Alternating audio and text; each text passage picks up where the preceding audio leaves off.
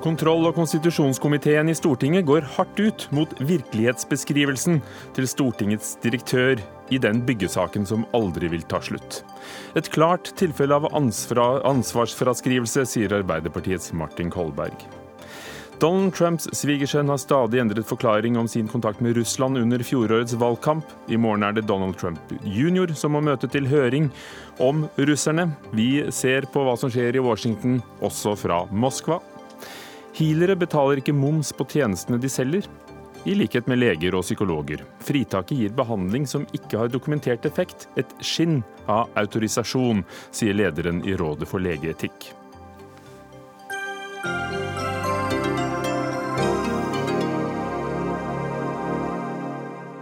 Velkommen til Dagsnytt 18 med Ugo Fermariello. Stortingets kontroll- og konstitusjonskomité tar et kraftig oppgjør med Stortingets egen direktør i Aftenposten i dag. Det handler igjen om det mye omtalte og kritiserte byggeprosjektet rundt den gamle stortingsbygningen. De skal pusse opp en bygård, lage et nytt varemottak og en helt ny tunnel. Kronikken i avisen er et tverrpolitisk utspill signert Arbeiderpartiets Martin Kolberg, Høyres Michael Tetzschner og Fremskrittspartiets Helge Thorheim, som alle mener Børresen fraskriver seg ansvaret for økte byggekostnader i en annen kronikk i samme avis. Og Ida Børresen er altså Stortingets direktør. Byggeplanen er blitt utvidet flere ganger. Nå skal den koste 1,8 milliarder kroner, et beløp som har steget underveis siden starten i 2011. Verken direktøren selv, Ida Børresen, eller presidentskapet ønsket å stille i Dagsnytt 18, men vi har med oss deg, Martin Kolberg, leder i kontroll- og konstitusjonskomiteen fra Arbeiderpartiet. Dette utspillet fra Børresen kommer i en tid da både Stortinget og presidentskapet har akseptert Riksrevisjonens kritikk av planleggingen og gjennomføringen av dette byggeprosjektet, så denne saken er altså ferdigbehandlet.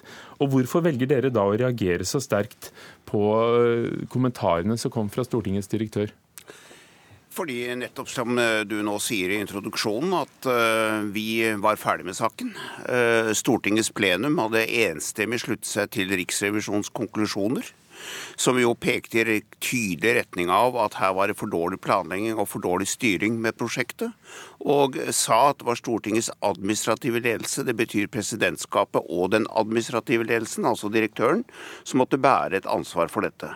Og dette sluttet Stortingets president seg til fra Stortingets talerstol ved behandlingen av denne saken. Og eh, vi mente da at da hadde vi sagt det som behøvde å bli sagt, og nå ville vi da ro dette store prosjektet med riktignok overskridelsene i land på en god måte. Og så opplever vi at Stortingets direktør går ut og begynner å gi en annen virkelighetsbeskrivelse av hva som er bakgrunnen for det hele.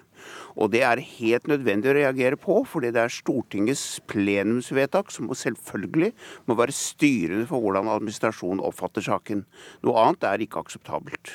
I denne kronikken eh, som dere da reagerer på, så fremholder direktøren at det har vært problemer med konsulenter utenfor Stortinget, samarbeidspartnere, og at nødvendige sikkerhetstiltak har ført til disse økte kostnadene. Hva er det som eh, ikke passer sammen med Riksrevisjonens funn? Men Det er jo ingenting av dette som er nytt.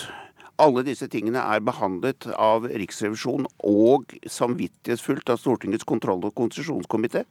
Alle de sidene ved det som uh, direktøren fremhever, ble jo tatt inn i behandlingen, også i plenumssalen. Og Riksrevisjonen sier, og det var Stortinget enig i, til tross for dette, til tross for dette, så var det slik at grunnen til den viktigste grunnen til disse betydelige overskridelsene, som altså handler om 700-800 millioner kroner, var jo knyttet til planlegging, gjennomføring og organisering av prosjektet, som altså Stortingets presidentskap og administrasjon sitter med ansvar for. Så å prøve å ta omkamp på dette gjennom en artikkel i Aftenposten fra Stortingets direktør, måtte det reageres på. Og det er da, som du sier, en samlet ledelse i kontroll- og konsesjonskomiteen som gjør dette, som representerer det enorme store flertallet i Stortinget på dette punktet. Dere mener presidentskapet bør komme på banen og avklare om de står bak direktørens virkelighetsbeskrivelse. Hvorfor eh, er det viktig? Dere har jo avklart alt i stortingssalen. Jo, og presidentskapet har jo da, eh, slik jeg har forstått det hele tiden, gjennom presidentens spesielt eh, innlegg i Stortinget, nettopp gjort det. Men når direktøren gjør dette, så er jo ikke det for at vi vil kritisere direktøren direkte. For direktøren er egentlig ikke oss. Det er ikke, egentlig ikke en person som vi skal behøve å forholde oss til. Og nå er det jo da viktig at presidenten i særdeleshet og presidentskapet i alminnelighet klargjør om de nå står bak det som direktøren har skrevet. Fordi det finnes jo to vurderingsalternativer knyttet til det. Det ene er jo hvis direktøren har gjort dette på egen hånd, uten å konferere med presidenten eller presidentskapet, så er det et vurderingsgrunnlag. Hvis de har gjort det sammen med presidentskapet, så er det et vurderingsgrunnlag. Men det er det bare direktøren eller presidenten som kan avklare. Og jeg mener at det er særdeles bemerkelsesverdig at de ikke vil kommentere dette. Syns du de skulle gjort det overfor dere direkte, eller, eller offentlig, f.eks. her? i ja, altså, begge deler på nesten. Altså, jeg, jeg forstår ikke De skriver jo direktøren i Stortinget etter stortingsbehandlingen.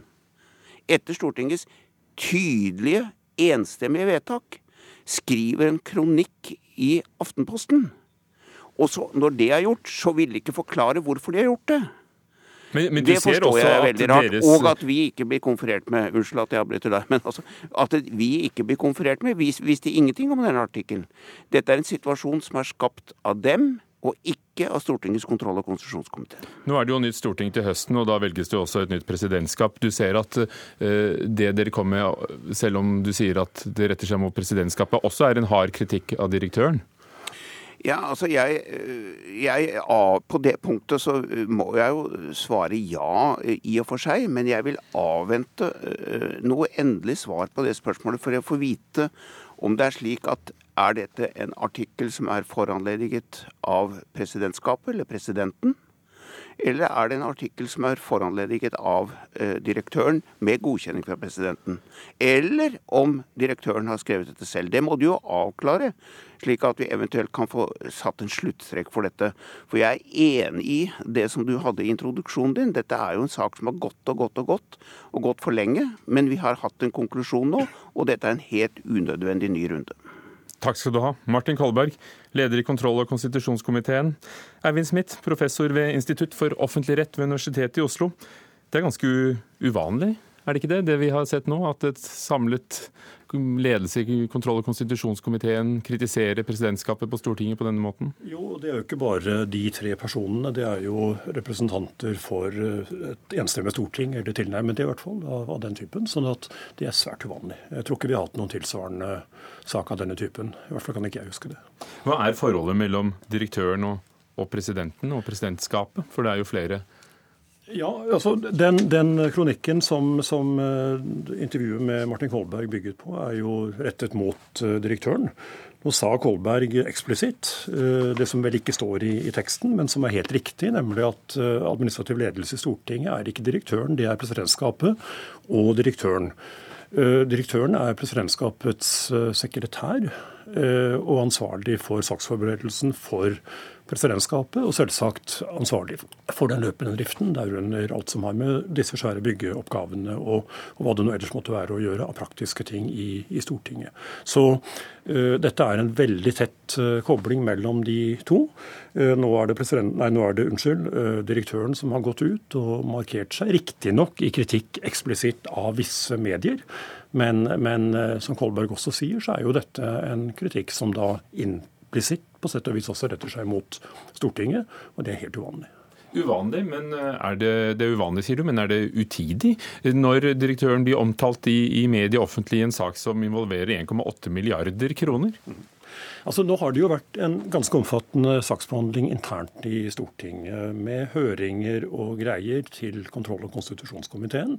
Eh, Riksrevisjonen har gjennomført en omfattende i hvert fall granskning av en viss fase av denne utviklingen. Og det var vel sånn sett i det stadiet at eh, direktøren burde gi sitt besyv med, og presidentskapet har gjort det. Og det har helt sikkert vært samarbeid mellom de eh, to. Så jeg kan forstå at stortingsflertallet rett og slett gjennom disse tre personene reagerer. Nå kan ikke vi gå inn i alle detaljene rundt her, rundt hvordan denne byggesaken har blitt større og større. Det handler om alt fra Riksantikvarens råd til eksterne byggekonsulenter til en tunnel, hvorvidt det trengs av sikkerhetsmessige grunner eller ikke. Men Riksrevisjonen sier altså at Stortinget mangler et regelverk som skal sikre god og effektiv gjennomføring av store byggeprosjekter. Burde lovgiverne laget seg selv et bedre regelverk? Ja, de burde vel kanskje ikke gått i gang med dette i det hele tatt. Altså, De kunne brukt Statsbygg, altså profesjonelle ledere på, på dette her. Det er jo en del av denne diskusjonen. Jeg dømmer ikke i sånne spørsmål, men, men det har vært en del av diskusjonen. Jeg tror aldri Stortinget har gjennomført noe tilsvarende omfattende byggeprosjekt. Og Stortingets administrasjon er utstyrt for å betjene Stortinget. Det er under sikkerhet og vaktmestertjenester og renhold og, og, dette her. Og slett ikke med sikte på å, å håndtere da ting som etter hvert har blitt to milliarder eh, kroner. Så en hovedkritikk kunne vel kanskje tenkes å være at man i det hele tatt har lagt i vei med det. Og det er nok ikke Ida Børresens ansvar alene, men det har nå i hvert fall blitt på den måten.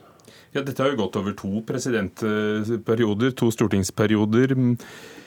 Er det, er det, så enkelt å, å, se hvem som kan klandres i denne saken? Kunne vi ikke også sagt at stortingsrepresentantene selv, hver gang de har stemt over økte midler, kunne etterspurt mer informasjon? For ikke å snakke om kontrollkomiteen? Jo, og det har jo vært sagt i ørten sammenhenger, også av presidentskapet, så vidt jeg har fått med meg. Og da vil Kolberg antagelig svare at uh, Stortinget har gjort så godt det kunne, men de har ikke fått adekvat informasjon. Jeg går ikke inn i å skifte sol og vind om disse faktadiskusjonene.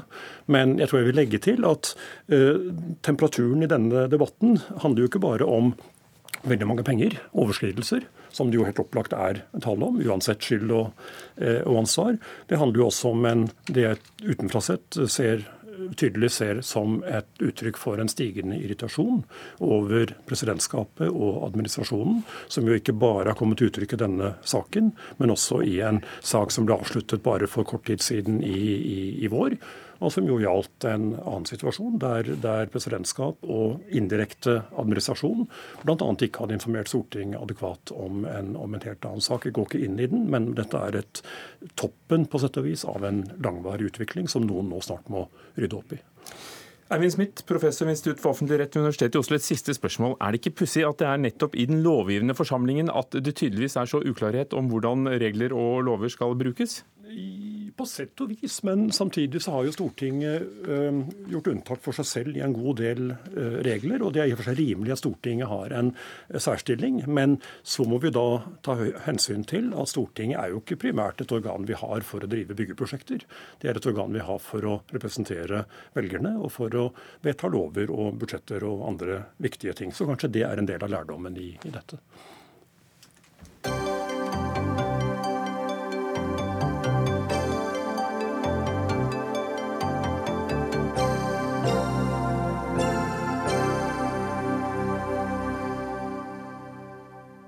Let me be very clear. I had no improper contacts. I have not relied on Russian funds for my businesses. And I have been fully transparent in providing all requested information. Jeg har vært helt transparent i alt jeg har sagt, og jeg har ikke hatt noen utidig kontakt med russerne. Det er kort oppsummert det Jared Kushner, president Donald Trumps svigersønn og spesialrådgiver, fastholder i, eh, etter å ha vitnet foran eh, en kommisjon i USA. Han innrømmer likevel at flere slike møter med russiske representanter i forkant av fjorårets presidentvalg, bl.a. med Russlands ambassadør i Washington DC. Og Det var i går han forklarte seg bak lukkede dører om møtene i Senatets etterretningskomité. Høringene fortsetter eh, i dag, de pågår eh, nå. Sofie Høgestøl, du er forsker ved Norsk senter for menneskerettigheter ved Universitetet i Oslo og har fulgt disse høringene i USA. Ja, hvordan, hvordan syns du han har kommet ut av det, det vi vet? Um, jeg tror at Det som skjedde i går, viser at han tar denne etterforskningen veldig alvorlig. og Det har vel kanskje litt med å gjøre at han har jusutdannelse fra en av de beste jusskolene i USA, NYU. Så jeg tror han skjønner det juridiske bildet som begynner å danne seg rundt disse møtene.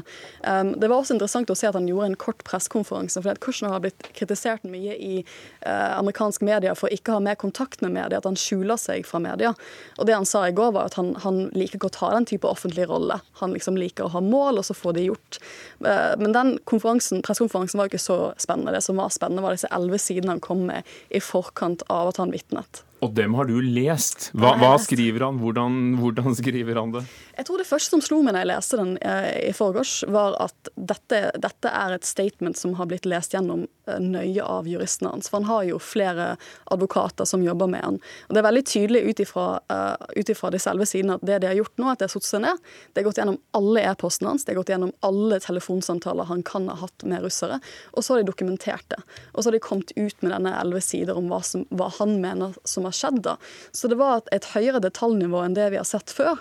Uh, hvor han uh, da mener at ja, han har hatt kontakt, men det han gjør veldig klart, er at han ikke visste hvem han skulle møte på det, det møtet han hadde i fjor med den russiske advokaten. Uh, at han ikke hadde lest de e-postene som var sendt i forkant av det møtet, og at han gikk tidlig. Har han endret noe på forklaringen, eller har han bare lagt til? Um, han har jo endret sikkerhets... Han har jo søkt om å få um, uh, sånn sikkerhetsklarering uh, som alle må ha hvis de skal være mm. seniorrådgiver for presidenten. Uh, og den har han endret tre ganger nå. Og det har han også fått en del kritikk for. For det å lyge eller å unnlate å ta med noe i den erklæringen i seg selv er jo et, for så vidt et lovbrudd.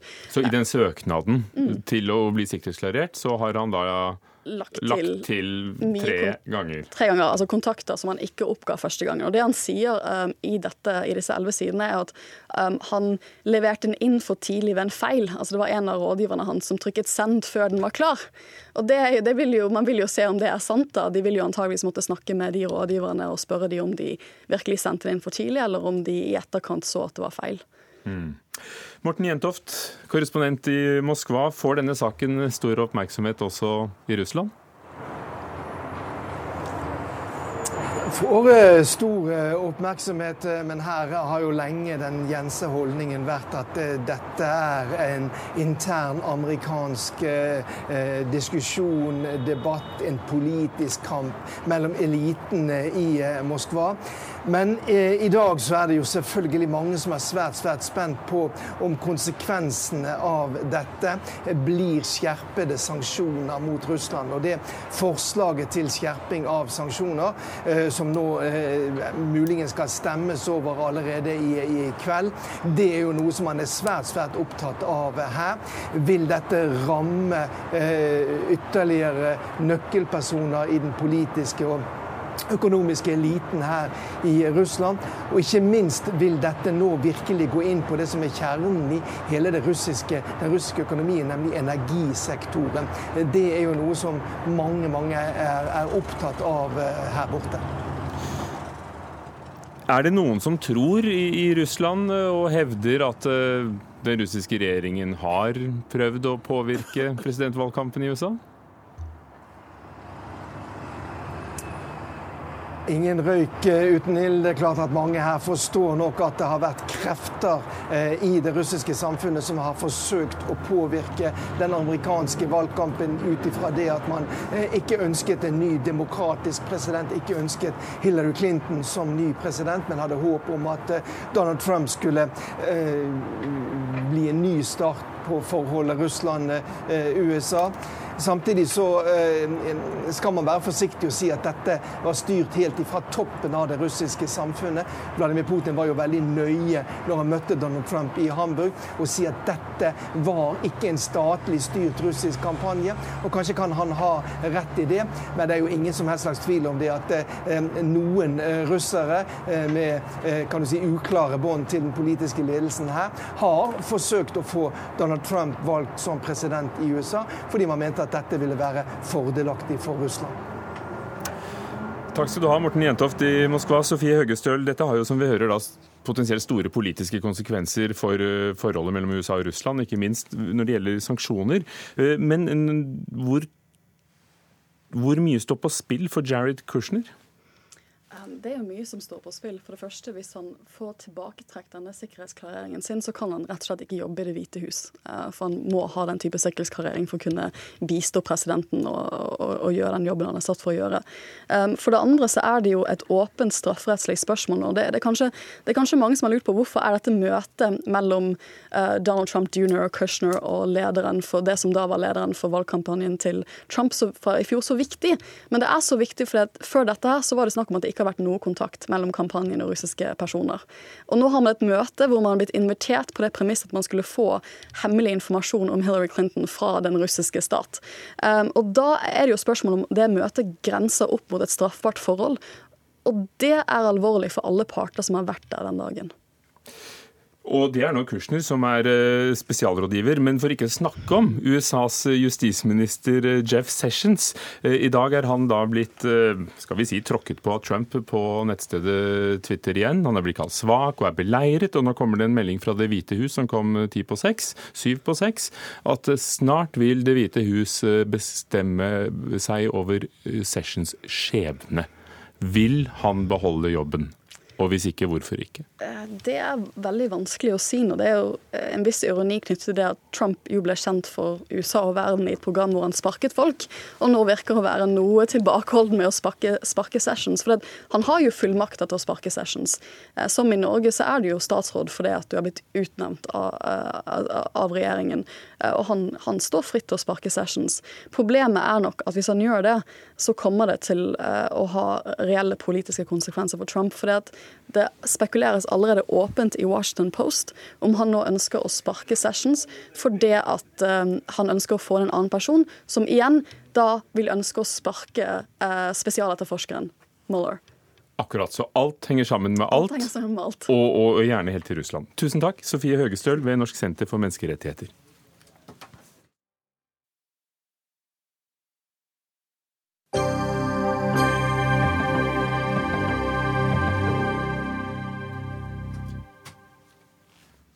Det skal handle om eh, Statoil, som kontrollerer sine utenlandsinvesteringer fra et kontor i Rotterdam i Nederland. Det kunne vi lese i Dagens Næringsliv i dag og i går.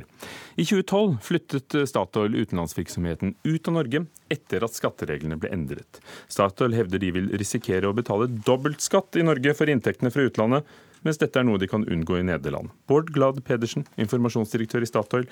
Hvorfor investerer dere fra Nederland og ikke fra Norge? Det som du var eh, inne om, at det er for å unngå dobbel beskatning på inntekter som allerede er beskatta. Men det er ikke i Norge, som du sa i innslaget. Det er i de landene der vi har virksomhet, eller i forbindelse med at vi tar penger tilbake til Norge. For vår industri så er det jo sånn at uh, skattlegginga skjer der olje og gassen uh, utvinnes. Vi betaler mye skatt, i snitt i størrelsesorden 70% Det er rimelig, fordi at det er naturressurser som tilhører uh, landet og, og folkene. Men selvfølgelig prøver vi å unngå dobbeltbeskatning, at den samme inntekten skattlegges flere ganger. Nå hevder altså Finansdepartementet at man ikke risikerer det i, i, i Norge heller, hvis man hadde investert fra Norge. At det er, det er territorialprinsippet, at det skattlegges der det utvinnes? Vi kan gjøre det av uh, to grunner. Enten fordi at Norge ikke har like gode skatteavtaler som det uh, Nederland har. Eh, et eksempel på det er knytta til Brasil, som krever at virksomheten skal eies av et eh, utenlandsselskap, og som har skatteavtaler med Nederland for å unngå en dobbeltbeskatning som brasilianske myndigheter heller ikke har ment at skal eh, skje, og som de har sikra gjennom skatteavtaler med Nederland, men som der Norge ikke har like god avtale. Det andre området er en følge av den endringa som skjedde i 2012, der, av, der regelendringa har som intensjon at det ikke skal oppstå en dobbeltbeskatning, men der det kan gjøre gjør det fordi at avgrensninga er for dårlig. og Det gjelder spesielt dersom det er rørledninger tilknytta til prosjektene. og Der vi hadde håpa på en dialog med Finansdepartementet for å kunne få til eh, en, en, en endring som hadde fjerna det som var en utilsikta eh, dobbeltbeskatning i, det norske systemet. Dere regnet den gangen ut at det ville koste dere 2,3 milliarder kroner ekstra i Statoil. Eh, med denne endringen i en engangsutgift. Var det derfor dere flyttet? Altså, Vi har hatt virksomhet i Nederland i flere tiår, men det har økt i omfang eh, etter eh, endringa. Og, selvfølgelig fordi at eh, vi kunne risikert dobbel beskatning dersom vi hadde hatt mer i Norge. Det er vanskelig å gi ett tall for hvor mye dette utgjør, men det er betydelig. Og det kan okay. være forskjellen på om prosjekter er lønnsomme. Et enklere spørsmål. Sparer dere penger? Ja, det gjør vi. Vi unngår å betale dobbel skatt på allerede skatta inntekter. Dere sparer penger. Ja. Har dere et ansvar for å investere fra Norge fordi dere er et norsk selskap der staten eier 67% Vi har et ansvar for å betale den skatten som vi skal. Eh, der utvinninga skjer, der inntektene eh, skjer, og det gjør vi. Vi betaler i snitt i størrelsesorden 70% skatt. og eh, vi rapporterer åpent om alle våre inntekter, alle våre skattebetalinger, i alle de land der vi har virksomhet. En åpenhet som går langt utover det som har vært krevd lovmessig, og der lovgivninga heldigvis har kommet etter og stilt strengere krav i samsvar med det Statoil allerede gjør. Kari Elisabeth Kaski, stortingskandidat for eh, SV. Hva er problemet med at selskaper investerer fra Nederland og ikke Norge, hvis det er det som er mest hensiktsmessig? Nei, Det her eh, føyer seg inn i en rekke av at vi ser nå at ulike selskaper som har internasjonal virksomhet, som er et internasjonalt selskap som Statoil på mange måter er, som har så stor internasjonal virksomhet, flytter sin virksomhet mellom land ut ifra hvor eh, skattenivået er lavest. Eh, og det eh, bidrar på sikt til å uthule skatteinntektene til ulike land. Det er en del av den store, globale utfordringen utfordring som vi står overfor, der ulike land får inn mindre skatteinntekter til å finansiere velferd. Nå, nå, sier jo da Statoil at det handler om at det er bedre investeringsavtaler, bilaterale investeringsavtaler mellom Nederland og, og disse landene, og at den skatten som betales er den riktige skatten, ikke fordi det er lavere skatt i Nederland. Mens Nederland er et, land, et lite land i, i omfang, men et, et, stort land når det kommer til den globale skatteplanlegginga. Og det skyldes jo eh, det skatteregelverket som Nederland har. Eh, men, men klandrer, klandrer, du Statoil for å gjøre det? For de opererer jo i et, i et bransje med andre store internasjonale selskaper? Ja, jeg tenker at Det er to ting her. Da. Det ene er jo um, Statoil sin, uh, sin, rolle som et statseid selskap. Og det er klart at Min holdning er helt klart den at når du er et, et statseid selskap, du er tett forbundet med den norske stat, så har du et, et eget, et særlig ansvar. Det er mange ting et, et internasjonalt selskap kan gjøre som, som, gjør at de tjener mer penger. Det er ikke alt det som en bør gjøre, og det, eh, og det eh, gjør ikke Statoil heller. Men akkurat når det kommer til skatteplanlegging, så er det altså med på å uthule eh, skattesystem internasjonalt. Det bør vi være var på. Men jeg mener at det som er viktigere enn å kritisere Statoil for det, det er å diskutere hva norske politikere og hva den norske regjeringa bør gjøre i å aktivt utnytte det at vi har eierskap i Statoil, og diskutere aktivt hvordan vi som eier av Statoil kan sende et signal til Statoil om hvordan de skal, skal være, eller hvordan de skal opptre skattemessig. Du skal få ordet, Glad Pedersen, men aller først Svein Flåtten, finanspolitisk eh, talsmann i Høyre og stortingsrepresentant. Eh, er Statoil med på å skape konkurranse om lavest mulig skatt i verden? Jeg syns Kaski går altfor langt i å mistenkeliggjøre Statoil eh, her. Det er ingen tvil om at etter 2012, hvor, eh, hvor, Statoil da ble fritatt for norsk skatt på det de gjør i utlandet, og også Bård Glad Pedersen synes jeg går for langt i å si at det er en dobbeltbeskatning, og han tar det litt inn ved å si at det finnes noen, eh, noen avgrensninger. Det som SV glemmer her, er de sier at Statoil er et statseid selskap. Ja, delvis. Det er eh, over 30 andre aksjonærer som er avhengig av at styret følger sitt ansvar ved å håndtere selskapet, slik at det også ikke skatteplanlegges unødig, men eh, at man betaler riktig skatt, og at det optimaliseres verdier for aksjonærene. Og Det er jo helt opplagt at uh, dette har jo ikke Statoil gjort for å unngå skatt. De har, Nederland har et regime hvor de har veldig gode skatteavtaler med alle disse landene som Statoil jobber i, slik at det selvsagt betales skatt. Nivået kjenner jeg ikke til, men eh, det, er to, som sagt, to sider her. Bård Glad Pedersen har ikke rett i at det automatisk blir noen dobbeltbeskatning til Norge. Men de frykter det? For det gjør, Eh, unnskyld? De frykter at de risikerer det i noen tilfeller? Ja, de sier det, men han, eh, han, begrenser seg til å si at det er en avgrensningsproblematikk som de vil snakke om myndighetene om, og det syns jeg er helt greit. Men det SV sier her, er jo at, eh, at ikke norske myndigheter og regjeringen gjør noe med dette. Altså det gjøres et voldsomt arbeid med å gå i spiss for den internasjonale skatteplanleggingen. Den skattemeldingen som ble lagt fram, tok for seg dette gjennom veldig, veldig mange punkter, nemlig at du skal betale skatten der hvor verdiene skapes. Men samtidig så må man også understreke at det er alltid et styres ansvar å håndtere bedriften, selskapet, på en best mulig måte. For hvis ikke så vil jo vi som politikere og eiere av selskapet komme inn og si hva slags styre er det vi har her. Men, men, hvorfor har ikke Norge klart å lage bedre bilaterale avtaler, slik at Statoil og kanskje andre hadde hatt lyst til å være i Norge? Vi har gode avtaler, og jeg ser at Statoil også har vært inne på at ikke vi har gode nok, eh, gode nok eh, regler for for um, petroleumsbeskatningen. Det har vi faktisk. Det er ingen som har nesten så solide, så forutsigbare regler som det er i Norge. Det er bare å gå over grensen til, til uh, England. Der har man skiftet i betingelsene gjennom veldig veldig mange år, mens man har hatt det stabilt på norsk sektor. Og ok, den... La oss høre med Glad Pedersen. Driver dere skatteplanlegging? Ja, Vi driver i hvert fall planlegging for å unngå å betale dobbel skatt. og Jeg må lov si til Kaski at hun omtaler oss i samme omdrag som selskapet som vi overhodet ikke er sammenlignbar med, og som du burde være redelig nok til å si det. For de som driver for å unndra seg skatt, for å flytte inntekten til andre steder enn der den har skjedd, for å betale nullskatt, eller flytte formue der det er nullskatt, det er overhodet ikke det Statoil gjør. Fordi at vi driver med utvinning av naturressurser, så skjer skattlegginga i de landene der det skjer der den utvinninga skjer, og det er med en høy skatteprosent. Og vi tilfører ressursene tilbake, eller eh, overskudd tilbake til Norge, og skatter som vi skal, men ikke dobbel skatt. Kort spørsmål. Utbytte, eh, overskuddet fra investeringene som er gjort via selskapet i, i Nederland, det blir vel tatt hjem til Norge? Ja, det gjør det. Og skattlegges det her?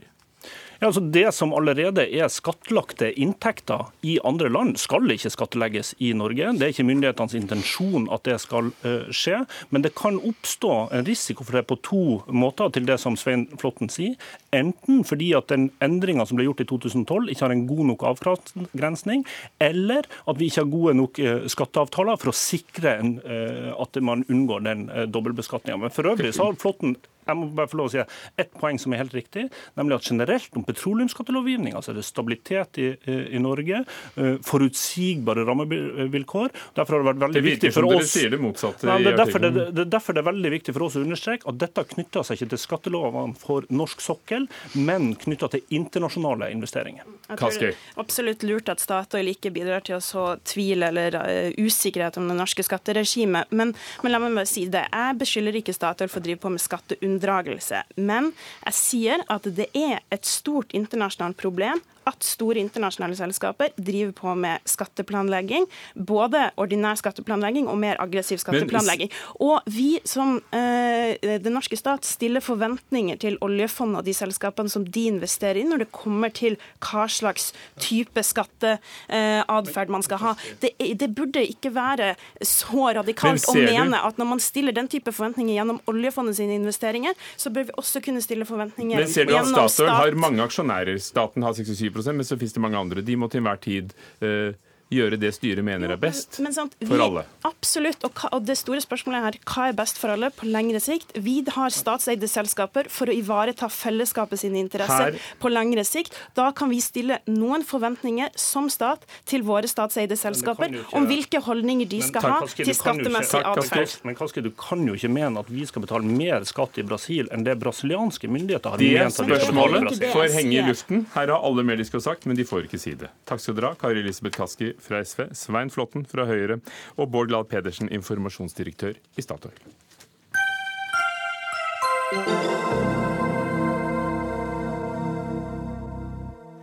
Fremskrittspartiets eldrepolitiske talsmann har kritisert Oslo kommune for å kutte i eldreomsorgen. Bård Hoksrud fyrer løs mot kutt i bevilgningene til sykehjem og kutt i antall plasser. Og etter at Dagbladet skrev om kutt i eldreomsorgen i Oslo, har debatten fortsatt. Ligg unna hovedstaden, Hoksrud, svarer Oslo-byråd Inga Marte Torkelsen som mener at det hun gjør, er en ryddejobb etter et Høyre- og Frp-byråd. Bård Hoksrud, hvorfor er du så bekymret for eldreomsorgen i Oslo? Det er fordi jeg møter pårørende, jeg møter brukere som bor i Oslo, og som er veldig bekymra fordi de ikke får den sykehjemsplassen de trenger. Og da er det klart at Når Oslo kommune med SV Arbeiderparti-byrådet kutter på to år over 180 plasser, eh, og det betyr at det er mange som ikke får den plassen de trenger, så det er klart at jeg reagerer på det. Og det er totalt uakseptabelt av byråden i Oslo å gjøre dette når man også har fått mer penger fra staten, i tillegg til at SV Arbeiderpartiet lova, hvis de fikk flertall, så skulle de ha økt eiendomsskatt, og det skulle de bruke på eldreomsorg. Og det gjør de altså ikke. Inga Marte Torkelsen, byråd for eldre, helse og sosialtjenester i Oslo fra SV. Hei. Hva var, hva var ditt løfte før valget når det gjaldt eldreomsorgen?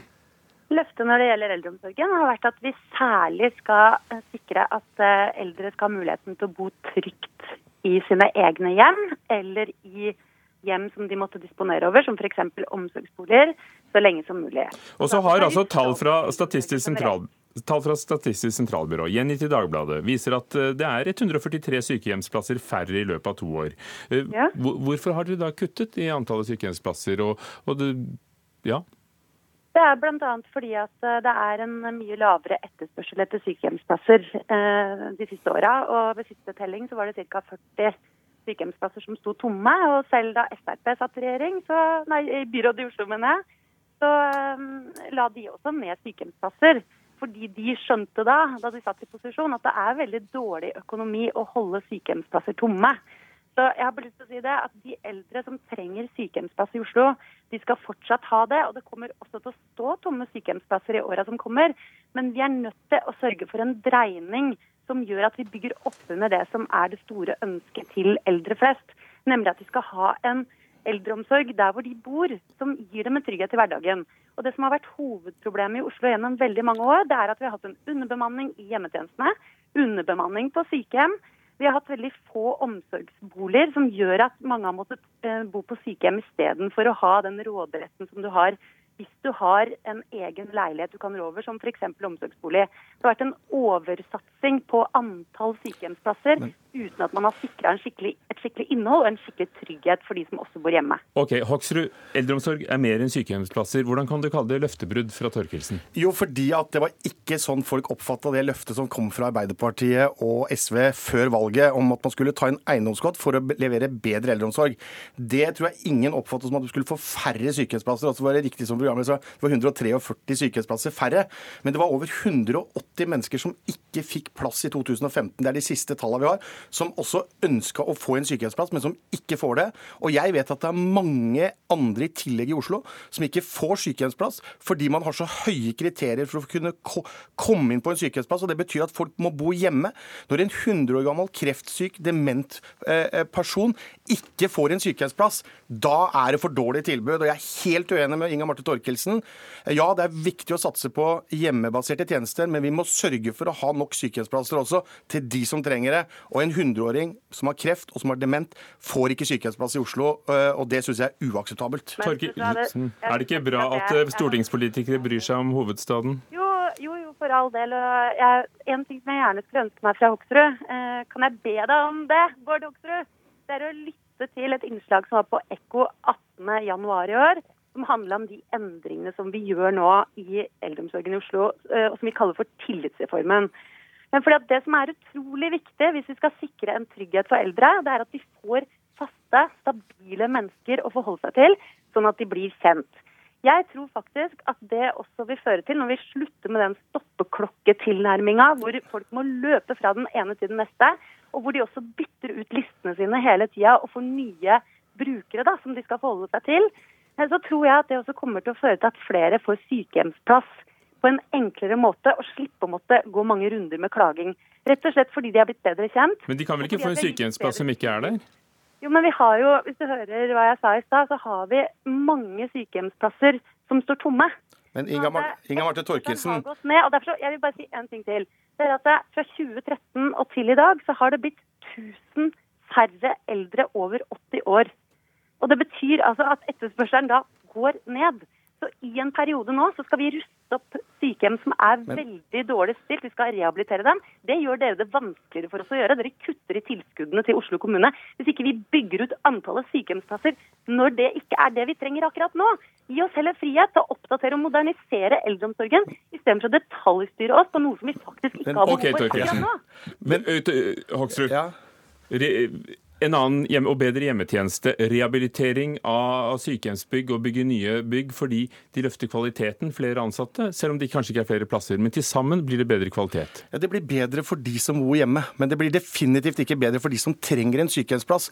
Og jeg tror at Inga Marte Torkelsen bør ta seg ruster opp sykehjemmene. Jo, men, jo, men det, er, det, er, jo ikke riktig. Når man kutter og fjerner sykehjemsplasser, så ruster man ikke opp. Da bygger man ned tilbudet. Og så er det sånn at denne regjeringa har altså økt tilskuddet for å bygge nye sykehjemsplasser å rehabilitere sykehjemsplasser fram til 2020 med rehabilitering med 15% Det betyr at det er veldig lønnsomt for kommunene å bygge flere sykehjemsplasser. Jeg tror Inga Marte Torkelsen må ut og prate med vanlige folk og pårørende. De opplever ikke at det ikke er behov for flere sykehjemsplasser i Oslo. Torkelsen, er det kutt, eller er det økte bevilgninger? Nå ble jeg forvirret. Vi har jo bevilga Fra og med 2018 så bruker vi 230 millioner kroner mer på eldreomsorg i bydelene enn det forrige byråd gjorde. Og det er i bydelene at eldreomsorgen skapes. Så det er bydelsøkonomien som vil avgjøre hva slags eldreomsorg vi faktisk får. Dere, vet dere hva? Jeg må faktisk avslutte her, jeg. Jeg vet det er ganske brutalt, og det er midt i en setning omtrent, men ja. sånn er det. Inga Marte Torkelsen, byråd for eldre, helse og sosiale tjenester i Oslo, og Bård Hoksrud fra Fremskrittspartiet på Stortinget.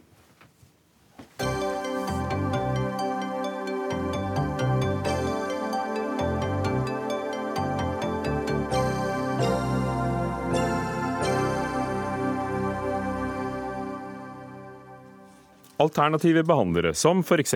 sjamaner, healere, eller massører, og det kan være svensk idrettsmassasje eller thaimassasje, kan få glede av den samme ordningen med merverdiavgiftsfritak som leger og psykologer har. Og det reagerer bl.a. Human-Etisk Forbund på i Bergens Tidende i dag. Selv om alternative behandlere ikke får autorisasjon av Helsedirektoratet, så slipper altså 40 organisasjoner med 3900 medlemmer å betale merverdiavgift på helsetjenestene som selges.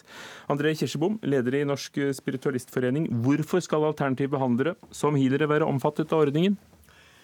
Noe av årsaken til det er at vi ønsker å få en seriøsitet i bransjen. Vi ønsker å få en kvalitet i bransjen. Og med å ha et momsfratak, så betyr det at vi får også folk som jobber med dette på heltid, og kan faktisk da få opp kvaliteten, kontra de som da velger å ikke ha dette her, som bare jobber av og til, og som er mindre seriøse. Ja, hvorfor, det, hvorfor, kunne de ikke jobbe på heltid selv om prisene skulle gått opp uh, tilsvarende antall prosent som momsen? Problemstillingen er ikke egentlig så veldig mye for healerne. Altså Litt selvfølgelig for dem også, men det blir jo også for de som kommer til healing, som må betale mye mer. Og Vi ønsker jo at folk skal kunne ha et helsevesen hvor man kan få lov til å velge hva slags behandling man vil ha. Og Da er det veldig greit at man faktisk får lov til å få en behandling uten at det koster flesk, for å si det sånn. Svein Aarseth, leder i Rådet for legeetikk. Ser du det som problematisk at både skolemedisin og alternativ behandling har glede av eh, avgift fra, eh, altså fritak fra merverdiavgift? Altså jeg, jeg, ser på det så problematisk på den måte at uh, autorisert helsepersonell de har godkjenningsordninger, de har utdanninger som, uh, som myndighetene styrer, mens uh, de private de de styrer dette selv ved at det er organisasjonene som eh, setter regler for hva som skal godkjennes osv. Og, så og når organisasjonen eh, er godkjent, så kan man registreres, og så har man en slags eh, godkjenning fra det offentlige uten at det offentlige egentlig ikke involverer seg i i innholdet i behandlingen i det hele tatt. Dette har jo gått litt frem og tilbake. Fra 2001 så måtte alle unntatt akupunktører og homøopati eh, betale merverdiavgift. Og så ble det flere former for behandling som ble fritatt, og nå har vi altså dette registeret hvor man registrerer seg. Men det er vel ikke sånn at folk tror at, eh, at det å gå til en, en healer eh, tilsvarer det å gå til en, en klassisk lege bare fordi man ikke betaler moms på det? Nei, det har du nok rett i. Eh, men eh, vi savner jo dokumentasjon på at behandlingen faktisk eh, virker. Og det er jo ganske mange forskjellige behandlingsformer. Du nevnte 40 organisasjoner som er godkjente i forhold til dette registeret.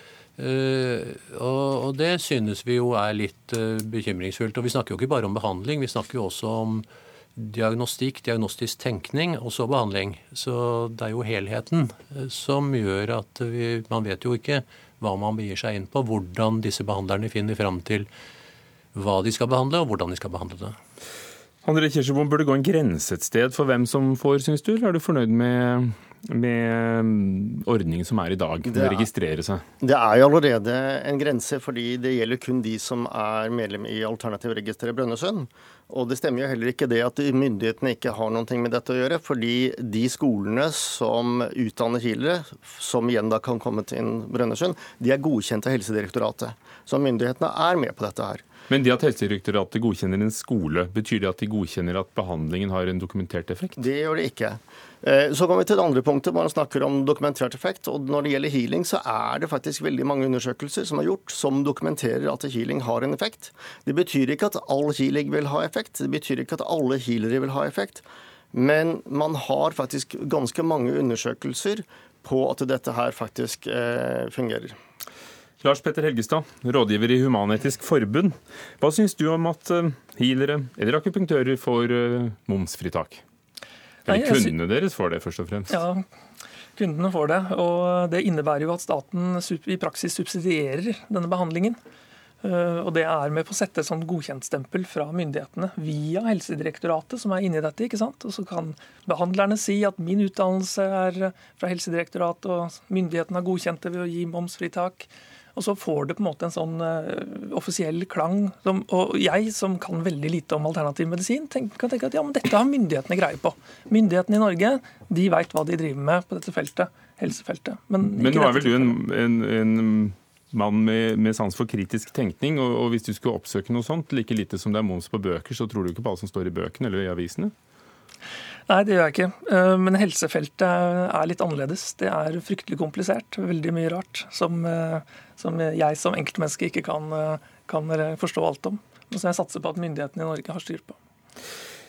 Svein Aarseth, hvem bør ha fritak fra moms, mener du, sett fra, fra legenes ståsted? Jeg synes det er underlig at, er, at, man på en måte likestiller alternative behandlere med, med helsepersonell. Og jeg har litt, hatt litt problemer med å forstå hvorfor det ble sånn. Jeg skjønner hvorfor de som nå er med i registeret får fritak når man først hadde ordningen, for det er en, en ordning som er enkel å praktisere. Men jeg skjønner ikke hvorfor man i utgangspunktet fikk momsfritak. Ja, Har du en forklaring på det? Fordi dere har jo gått inn for, eh, for dette. Du kan si Det er jo for oss å få en viss regulering av bransjen, sånn at man skal skille litt Clinton fra Veten også i den bransjen. For, Men hva skal til for å registrere seg i alternativregisteret i Brønnøysund? Det som skal til nå, er at man da har en utdannelse innenfor da etikk og vekstfag. Det skal til at du er medlem i et godkjent eh, kileforbund, eller forbund, alternativforbund. Det skal eh, til at du har en forsikring som er gyldig. Og hvis du har da alle disse tre sakene, så kan du registrere deg i Brønnøysundregisteret. Men denne godkjenningen ville vært, eh, dette registeret ville vært like mye verdt selv om det skulle være merverdiavgift på tjenestene, som de fleste andre tjenester i samfunnet? At du kan si Merverdiavgiften gjør at det blir enklere for, eh, altså litt rimeligere for de som går der, til de som er mer seriøse. Eh, det står jo feil bl.a. i den artikkelen som eh, Bergens Tidende har, hvor det står sjamaner. For sjamaner kan da ikke være i alternativregisteret. Sånn at de har ikke en egen kategori der. Mariann Fullerud, du leder Norges Naprapatforbund. Hei. Hei. Hva ville konsekvensene vært for dere som naprapater hvis eh, momsfritaket ble fjernet? Ja, altså eh, Når jeg hører de som diskuterer her, da, så tenker jeg at først så vil jeg si at eh, vi naprapater vi jobber med ren muskel- og leddbehandling. og vi har som kjent vært og er fortsatt i en prosess der vi kjemper for autorisasjonen for naprapater. Og per i dag så kan jo hvem som helst kalle seg naprapat, og hvilket er veldig alvorlig, for de kan gå ut på pasientsikkerheten. Uh, I dag så er vi over 500 naprapater i Norge, og vi utfører over 700 000 behandlinger per år. Og Kan du kort si hva dere gjør? Hva er naprapati? Vi jobber med muskel- og leddbehandling, og hovedfaget vårt er manuell terapi. Uh, vi er et forbund som følger opp og kvalitetssikrer medlemmene våre med obligatoriske kurser. Og i tillegg så har vi strenge etiske regler og statutter eh, som hvert medlem er forplikta til å følge opp om de ønsker å være medlem. Eh, så vil jeg gjerne si at forsikringsselskapene de dekker naprapati på lik linje med andre autoriserte yrkesgrupper. Det hadde de ikke gjort om det ikke hadde noe virkning. Og Derfor så stiller vi oss spørrende til hvorfor vi fortsatt ligger under lov om alternativ behandling. Og så, eh, Jeg syns dette er en veldig viktig diskusjon. Så eh, Nå skal jeg komme til det det handler om her. og Det er jo en, eh, en eventuelt avskaffelse av momsfritak for alternative behandlere, hvilket vi også ligger under. Eh, og da vil jeg si at Dette vil i aller høyeste grad ramme oss naprapater. Eh, om vi ikke har det momsfritaket, så må vi naturligvis øke prisen på behandlingen en hel del. Og, og det er ikke bare mange arbeidsplasser som kan bli borte, men det aller verste er jo at det rammer pasientene våre, og de blir skadelidende. For de ville ganske enkelt ikke tatt seg råd til å gå til dere? Nei, for vi har jo ikke noe refusjon heller, ikke, ikke sant? Så, så, det vil bli veldig dyrt. Uh, og så vil jeg påpeke at uh, vi stiller oss svært undrende til hvorfor politikere og byråkrater sidestiller da naprapati med Nå bare nevner jeg noen uh, noen uh, som dere har nevnt. Så det er da sjamaner, healing osv. Ja, bortsett fra det med sjamaner, da, som vi fikk oppklart ikke ja, kan være i det registeret. Og, og, og, vi kan legge til at i Sverige og Finland har dere hatt siden 90-tallet helseautorisasjon. Men det får bli ja. en annen skål. fordi hvor, ja. hvorom, hvorom allting er, så har vi altså spurt både Helsedepartementet og Finansdepartementet om å komme hit i dag. Det kunne de ikke. Uh, men Lars Men det jeg gjerne vil, eh, bare for å avslutte Ja, Det må være kort. Uh, ja, Eh, jeg vet jo for lite om alle disse yrkesgruppene, som sagt. Men jeg kan sikkert si at vår utdannelse og måten vi praktiserer på, er på en måte ingen hokus pokus, og ligger veldig langt fra bl.a. healing. da, på denne okay. skalaen innenfor alternativ behandling. Det er, det er et viktig poeng å få frem. Og der fikk du det frem. Takk, takk skal du ha, Mariann Fuglerud. Lars Petter Helgestad i Humanisk Forbund, hvordan skal en grensedragning skje på, på på hvem som skal betale eller ikke moms på sine tjenester? Vi må jo bruke den beste kunnskapen vi har, da, og stille de samme kravene til dokumentasjon til disse behandlerne som vi gjør til annen medisinsk behandling. Finner vi ut vitenskapelig, ikke gjennom anekdoter, men ved å gå grundig til verks, og ting fungerer, så er det ingenting som er bedre enn det. Men hvis folk føler at de blir bedre, hvorfor ikke bare gi momsfritak til alle, slik det en gang var for rørleggertjenester og snekkertjenester og alle andre tjenester i samfunnet? Og tenke at folk har glede av det, og det gjør at de tar seg råd til å gå? Momsfritak på alt som gjør at jeg føler meg bedre? ja, nei, det, det, Jeg tenker at det er mange som har gode opplevelser med dette. Vi skal ikke underslå det. Men jeg tenker hvordan vi bruker offentlige ressurser, det er et fellesanliggende. Og da må vi stille strenge krav til det. Takk skal dere ha, alle sammen. Lars Petter Helgestad i Humanisk Forbund, Svein Aarseth i Rådet for legeetikk, André Kirsebom, leder for Norsk spiritualistforening, og Mariann Fuglerud, leder i Norsk Naprapatforbund.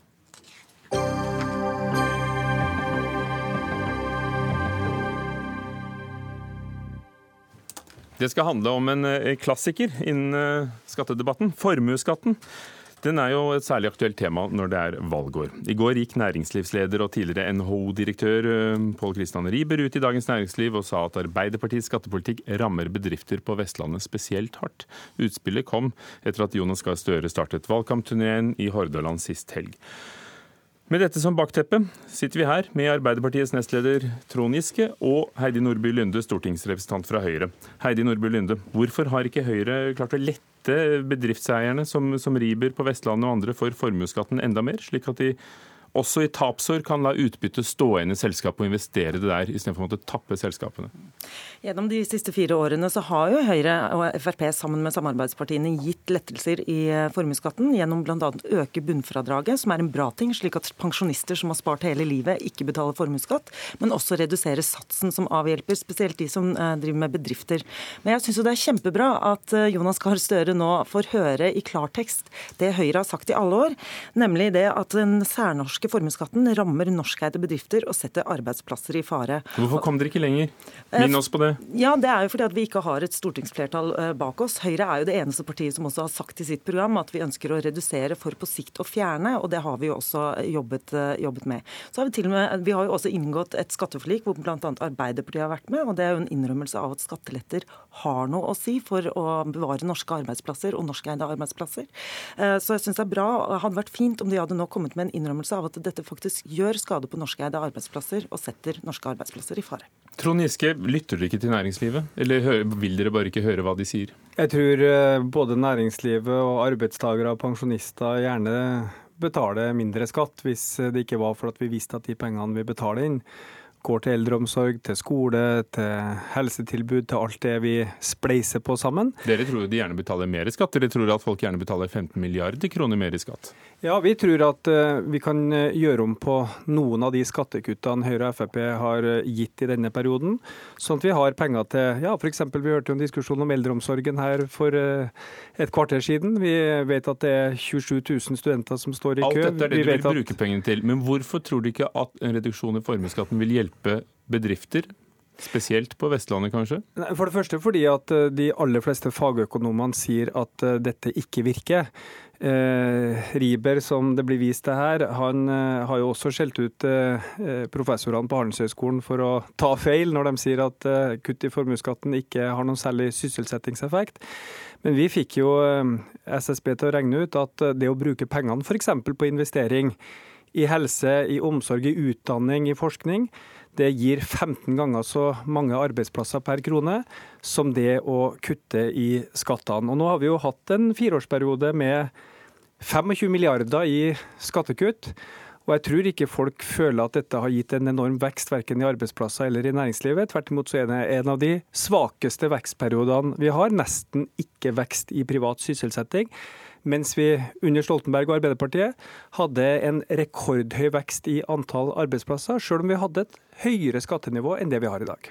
Heidi Nordby Lunde, ja, Da Arbeiderpartiet hadde 21 milliarder mer i skatteinntekter, vekst i økonomien og en oljepris på 120 dollar fatet, så øktes ukeskøene. Det ble 15 000 flere fattige barn.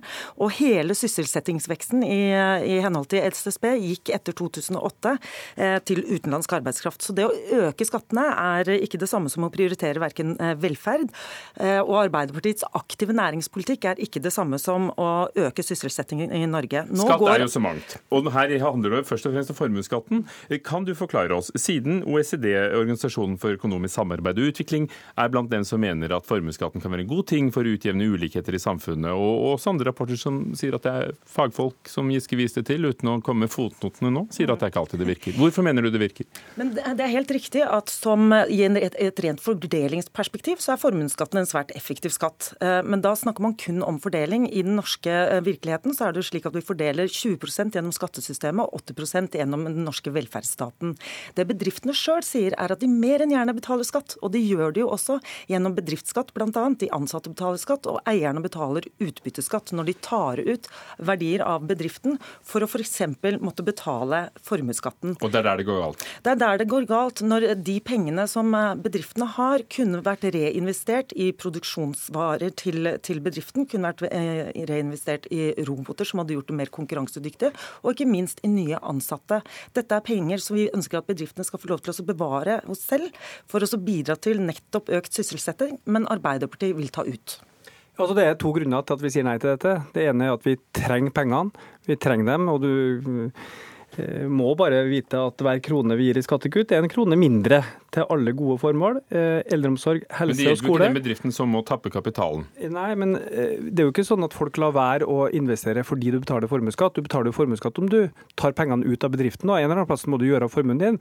Det som skjer hvis du fjerner formuesskatten, det at du gjør noen av de rikeste menneskene i Norge til nullskattytere. Hvordan vil du hjelpe de bedriftene som i år med røde tall likevel må tappe selskapet for kapital for å betale formuesskatt. Altså De bedriftene må ta ut kapital fra selskapet for å betale formuesskatten, selv om bedriften går dårlig. Hvordan vil du hjelpe dem? Nei, altså Jeg tror jo først og fremst at bedriftene hjelpes av at det går godt i norsk økonomi. At det er vekst i sysselsettinga, at det er en aktiv næringspolitikk, at det er investeringer i hele landet. Eh, ikke først og fremst med lavere skatter. Det var det vi lyktes med under åtte år med eh, Arbeiderpartiet. Det ble skapt 360 000 arbeidsplasser, to tredjedeler i privat sektor. Men bare for å fullføre resonnementet mitt. Hvis det er sånn at vanlige folk som nå har fått ti kroner dagen i skattekutt, skal være med på et spleiselag for å berge norsk økonomi, nedgang i reallønna som man hadde i fjor, pensjonistene har gått ned i kjøpekraft tre år på rad. Folk flest skal bidra med skatt. Og så skal du gjøre noen av de rikeste i Norge til nullskattytere. Da bryter solidariteten og viljen til spleiselaget sammen. Og dette er jo grunnlaget for den norske modellen, og det den må vi ta siste lille vare minuttet på. er ditt, Lunde. Som næringsminister så innrømmet jo Trond Giske sjøl at det var problematiske forhold ved, ved, ved formuesskatten. I opposisjon så mener han at den er helt uproblematisk, og det syns jeg er problematisk. Nå viser det seg at de 10% rikeste i Norge betaler 38% av all personskatt i Norge. De med de bredeste skuldrene skal bære den tyngste børen. Hadde vi fjernet formuesskatten, så hadde 37,4% av all personskatt i Norge fortsatt vært betalt av de 10% rikeste. Det er mulig å kombinere både velferd og skattelette. Denne regjeringen har gjort det. Sykehuskøene går ned, samtidig som skattene også går ned. Takk skal dere ha. Jeg fjerner dere nå, jeg. Fra lufta. Heidi Nordby Lunde fra Høyre, Trond Giske fra Arbeiderpartiet, Dag Dørum var ansvarlig for Dagsnytt Dagsnytt 18, Finn Lie, teknisk ansvarlig, Ugo Fermorello, programleder. God kveld.